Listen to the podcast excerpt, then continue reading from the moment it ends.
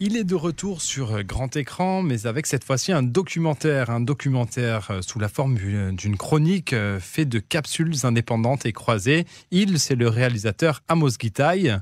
À l'ouest du Jourdain est sorti au début du mois en salles obscures ici en Israël. En France, il avait été diffusé notamment en avant-première lors du festival de Cannes dans le cadre de la quinzaine des réalisateurs.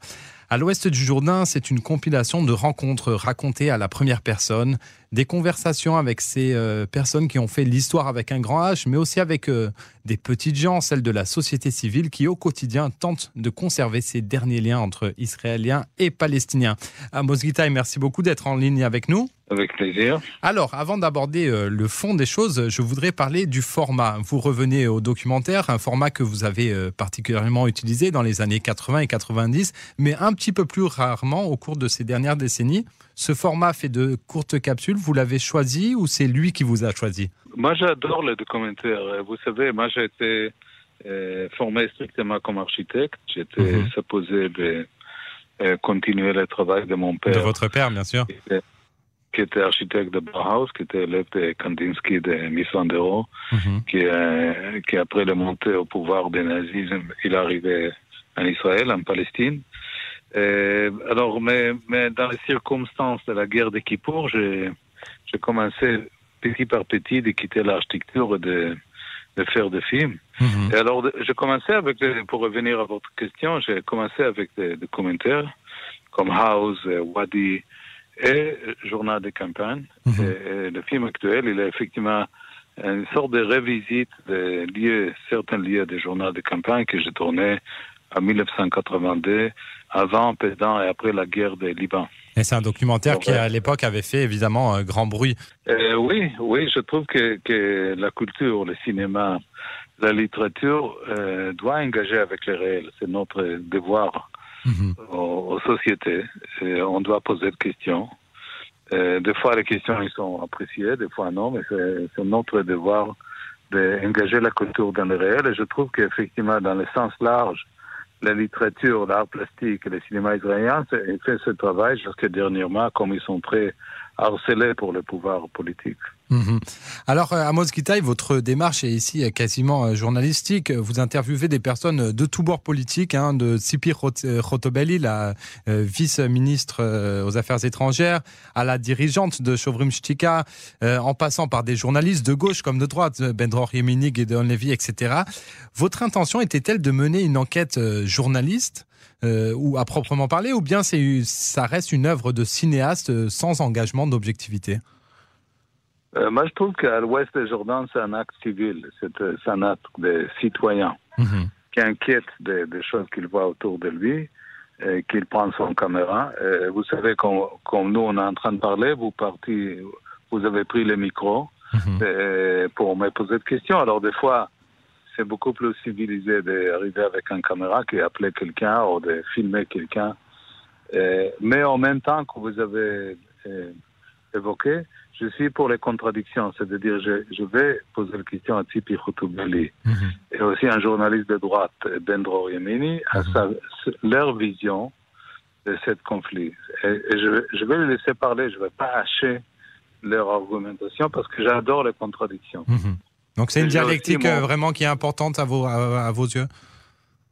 Oui, parce que si on espère qu'un jour on va avoir des, des- des solutions à ce conflit interminable, c'est par cette série de fissures dans les murs euh, qui, qui sont euh, encouragées par les contradictions. C'est-à-dire qu'il faut parler de, de Tselem, de Breaking the Silence, de Guidon Levy, de Mhm. femmes qui ont perdu leurs enfants israéliens, palestiniens, Mhm. et tous ces gens qui, qui arrivent quand même de trouver la force interne de dialoguer malgré les situations d'impasse complète, parce que c'est eux qui vont dessiner, dans quelque façon, le- un autre rapport plus humain entre les, ces deux peuples. Et de toute façon, les deux peuples, ils ne sont pas en train de partir. Les Israéliens ne vont pas partir, les Palestiniens non plus. Alors, il faut qu'il y ait un modus vivendi, il faut qu'il y ait une démarche. Et, et le film, il est un hommage à tout cet euh, effort. Mhm. Alors, euh, on l'a dit, vous avez interviewé également euh, en, début de film, euh, vous, vous diffusez cette interview d'Yitzhak Rabin quelques mois avant son assassinat. Euh, Rabin, d'ailleurs, à qui vous avez dédié un film l'année dernière. En rétrospective, 22 ans après son assassinat, quel héritage pensez-vous qu'il ait laissé aux Israéliens? Ben, Moi, j'ai beaucoup apprécié chez Rabin d'abord son, une sorte de forme de, de, de parler très simplement. C'est-à-dire, mhm. c'est une qualité de certains Israéliens que j'aime beaucoup. Pas trop de, de fleurs, de, mais, mais, parler direct, d'évoquer des questions. Mhm. Il n'est pas obligé d'être d'accord. Il dit la vérité, sa vérité. Aussi, il n'est pas impressionné par les pressions. C'est-à-dire, il n'est pas, pas un homme politique qui fait tout le temps des spins médiatiques. Mhm. Et c'est pas un homme politique qui regarde les sondages des matins pour dire qu'est-ce qu'il va penser l'après-midi. Il a une certaine ligne. Il prend des risques. Il essaie d'avancer. Et, aussi, je trouve que dans cette interview qu'il m'a donnée, il dessine sa vision de, de schéma à suivre, c'est-à-dire qu'il parle aussi des de souffrances palestiniennes, il parle des difficultés économiques. Moi, je trouve qu'on ne va jamais voir la paix si on a une vision strictement unilatérale. Mhm. C'est-à-dire, nous, notre histoire, notre religion, notre nation, etc. Je crois que l'autre existe dans, dans les paramètres de cette recherche et je trouvais que chez Rabin, il avait ce désir. Mhm. Alors, euh, Amos Gitaï, au début, du film, vous insérez des images tournées en 1994, je crois, à Gaza, euh, des jeunes adolescents euh, qui ont l'espoir, qui parlent de leur espoir de faire la paix, d'arriver à la paix, l'espoir qui, était régnant à l'époque pendant ces années Oslo, comme on les a appelés. Serait-il possible de, tourner de tels témoignages aujourd'hui, que ce soit à Gaza ou en Cisjordanie? Moi, je trouve, j'ai vu un article assez impressionnant et déprimant de Haaretz mhm. sur les conditions de vie de Gaza et les, les, souffrances des, enfants sur tout ce siège. Et je crains que ça, c'est, la situation est très toxique actuelle. Mhm. C'est-à-dire, là, on, on, vraiment, on est en train de cultiver une sorte de bombe de retardement et, et, même si la situation économique générale d'Israël n'est pas, pas très mauvaise, si on rentre, si on n'écoute pas cette série de, de, de voix, euh, vous, vous, savez, moi je suis élève, comme je vous avais dit, de la guerre de Kippour. Mhm. La guerre de Kippour a éclaté comme les Israéliens étaient sourds de certaines voix du monde arabe, et là ils ont été étonnés que le jour de Kippour, il y avait soudainement la guerre. Moi je trouve qu'il faut écouter euh, toute cette voix-là, parce que si on n'écoute pas et on fait, on recherche pas une façon de, démonter cette champ de mines, on est quand même dans une région très, il y a beaucoup de risques. Mhm. Votre film, on l'a dit, donc, est euh, constitué de, petites capsules comme ça et il y a de nombreuses séquences très fortes. Euh, parmi celles-ci, euh, celle où vous euh, vous rendez à Hebron, euh, vous rencontrez un petit garçon, c'est un écolier, il doit avoir, je pense, une dizaine d'années. Et lorsque vous l'interrogez, il vous explique que son souhait le plus cher, c'est de mourir en shahid, en martyr. Vous tentez de le euh, convaincre de renoncer sans succès. Comment est-ce qu'on euh, continue à garder l'espoir après avoir tourné une séquence comme celle-ci?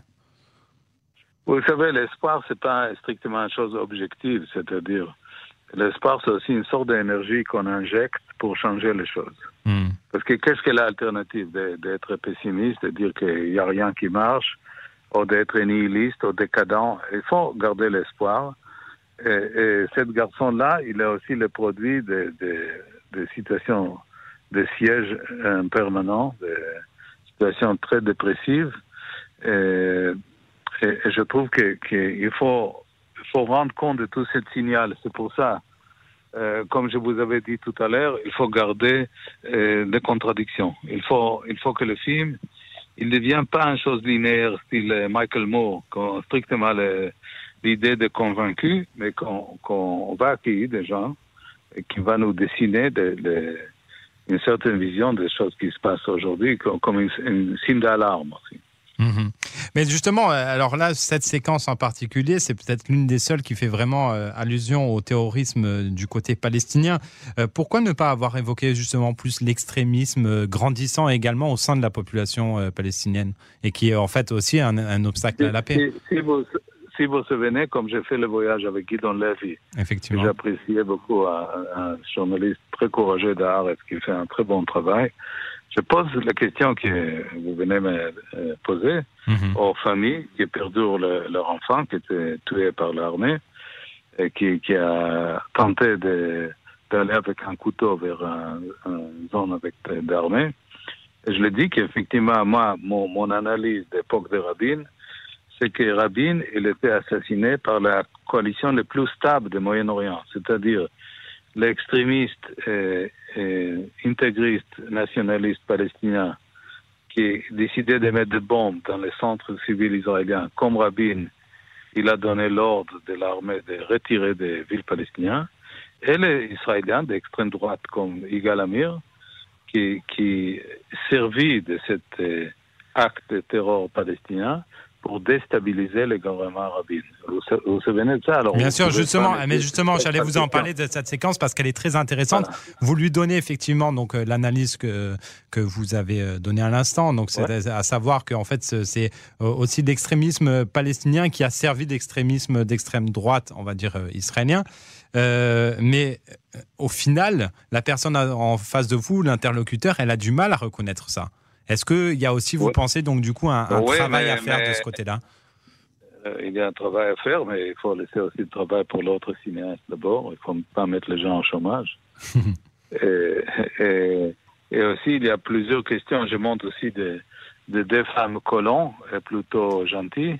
Mais alors Et je- justement, je bah alors là, vous me, vous me tendez la perche. Vous me tendez la perche, j'allais justement vous poser une question sur cette séquence précise.